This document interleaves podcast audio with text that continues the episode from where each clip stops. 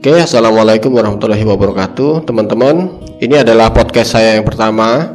Saya udah lama banget sih sebenarnya pengen membuat sesuatu gitu, apa podcast atau channel YouTube atau apalah gitu yang bisa uh, saya pakai untuk media sharing. Kalau dulu sih saya sukanya ngeblog, cuman lama-lama kok bikin tulisan itu nggak sempet-sempet gitu. Sebenarnya bukan nggak sempet juga sih.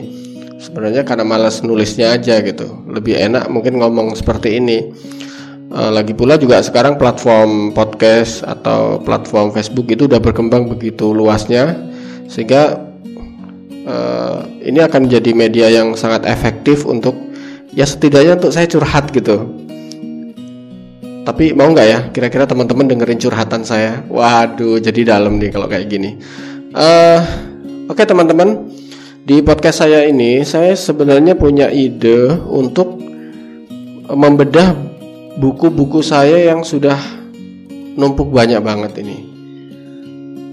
Uh, nanti coba kita pilih mana buku-buku yang masih relevan untuk kondisi saat ini. Karena memang walaupun buku itu sudah bertahun-tahun, kadang-kadang juga masih relevan gitu. Bukan hanya buku-buku baru. Tapi yang jelas saya juga ingin mereview buku-buku baru yang memang benar-benar baru terbit, masih hangat banget gitu nanti kita combine lah mana yang buku-buku baru mana juga yang mana eh, buku-buku lama yang masih relevan. Coba kita bedah buku kita bahas. Ini bisa berseri-seri nih bahas satu buku aja. Sini saya punya banyak koleksi buku karena memang dulu saya itu sukanya baca buku. Ya itu dulu. Kalau sekarang sih lebih banyak uh, suka baca perasaanmu. Ya bukan bukan gitu deh. Uh, oke. okay saya juga ini sekarang lagi nunggu uh, pre-order bukunya Pak Mardi Guwowi yang Tata Titi Titis. Nah, itu katanya sih konon uh, buku yang masterpiece, fenomenal gitu, yang membahas bagaimana seorang pebisnis itu jatuh, beliau jatuh sampai ke titik nadir, titik yang paling rendah, kemudian Bagaimana cara-cara beliau bisa bangkit dan kembali menjadi triliuner, bukan lagi milioner. Jadi ini bisa jadi catatan kita ya. Ternyata pengusaha yang tadinya milioner begitu jatuh dan dia bisa bangkit, itu biasanya bukan lagi menjadi milioner tapi menjadi triliuner. Nah, ini saya juga penasaran banget sama buku ini. Saya sudah pre-order sekitar dua bulan yang lalu, terus kemudian katanya sih jadwal pengiriman itu tanggal 16 Maret. Jadi seharusnya ini sudah mulai dikirim nih. Besok ya, besok mulai dikirim. Uh, mudah-mudahan bukunya selamat sampai tujuan. Uh, kemudian juga saya punya banyak buku yang bagus-bagus, tapi kadang ada juga yang tahu-tahu nggak ada di rak buku saya. Setelah saya ingat-ingat, oh ini pernah dipinjem nih sama kawan dan akhirnya nggak balik. Nah ini penyakitnya nih, penyakit kita koleksi buku itu biasanya begitu. Kalau ada buku bagus teman kita datang lihat-lihat dia pengen banget bacanya. Dia baca terus kita lupa ngingetin uh, lupa mintanya. Pas sudah diminta udah lama waduh nggak tahu ya ke mana udah udah nyelip nggak tahu ke mana hilang. Nah itu banyak juga buku-buku yang seperti itu. Makanya uh, sekarang saya kalau ada temen yang pinjam buku selalu ngingetin gitu. Gimana biar cepat dibalikin supaya nggak hilang. Karena buku ini kan jendela dunia. Walaupun sekarang jendela dunia itu sudah banyak medianya bukan hanya buku.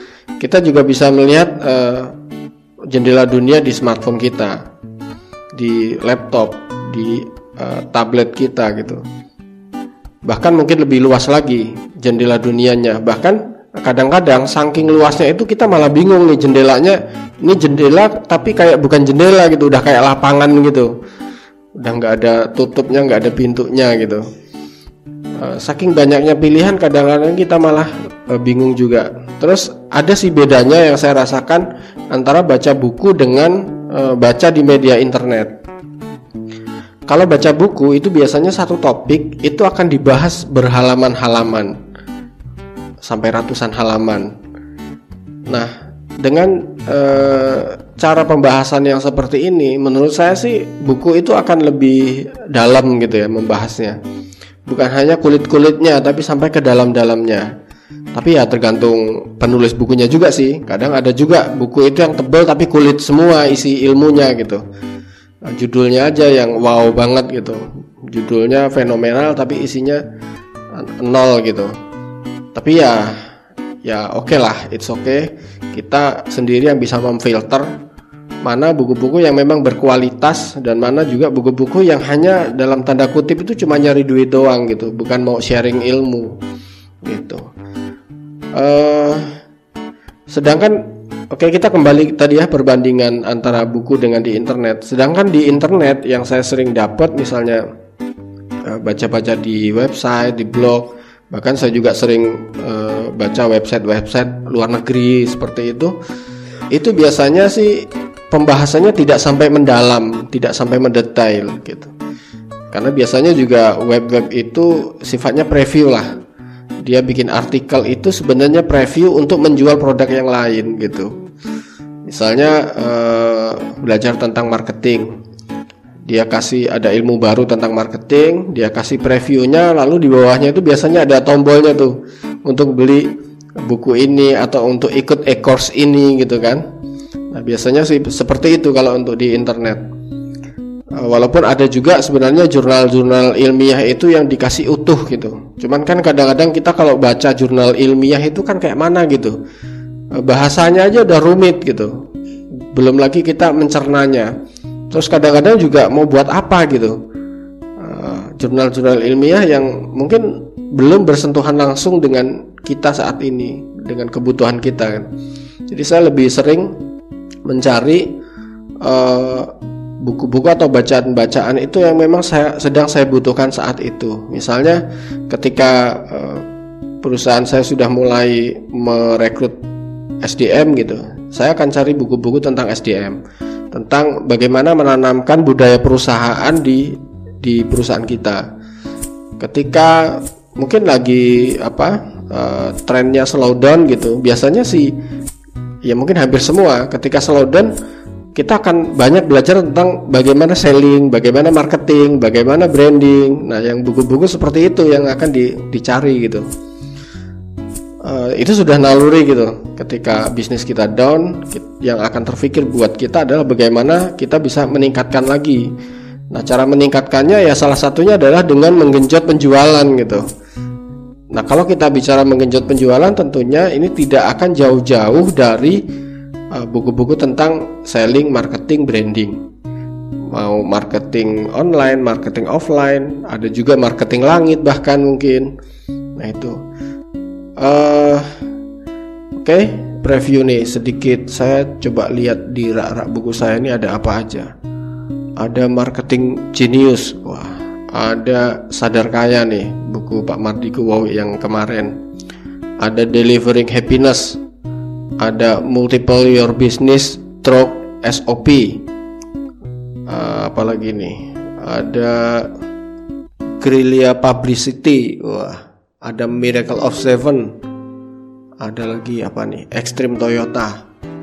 Ada innovate progress dan kontekstual ada self driving dari Renal Kasali. Ada pesona cinta manusia manusia pilihan. Oh ini kalau ini religi yang ini. Mungkin kita juga sekali-kali nanti akan bahas tentang religi. Di sini juga ada Al-Quran berjalan, cerita tentang Rasulullah, bukan cerita ya uh, apa sirah ya, sirah tentang Rasulullah. Ada apa lagi? Menjadi orang yang berpengaruh. Ini buku motivasi. Bukunya Network 21 buku MLM ini zaman dulu masih ikut apa MW tapi isinya bagus banget. Saya sering baca sering saya ulang-ulang. Uh, ada 911 wah buku apa ini? Ada syariah solusi masalah bangsa ada multiple intelligence uh, apalagi ini jadi penulis siapa takut? Uh, nyatanya saya baca buku ini juga belum bisa menerapkan gitu ya. Belum bisa jadi penulis yang bagus. Mungkin karena banyak hal yang dalam tanda kutip itu kemalasan sih sebenarnya. Bukan soal kompetensi. Biasanya ya karena kita malas saja terus cari-cari alasan nggak ada waktu gitu kan. Padahal waktunya banyak. Waktu itu kita yang mengatur. Ada lagi apa ini? Inside the Giant Leap.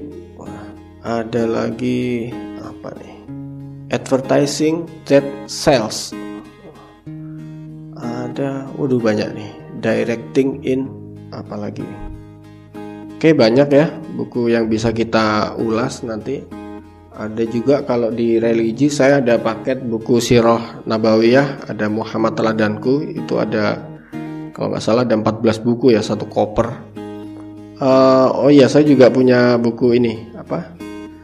Buku tentang penelitian Harun Yahya itu satu koper juga.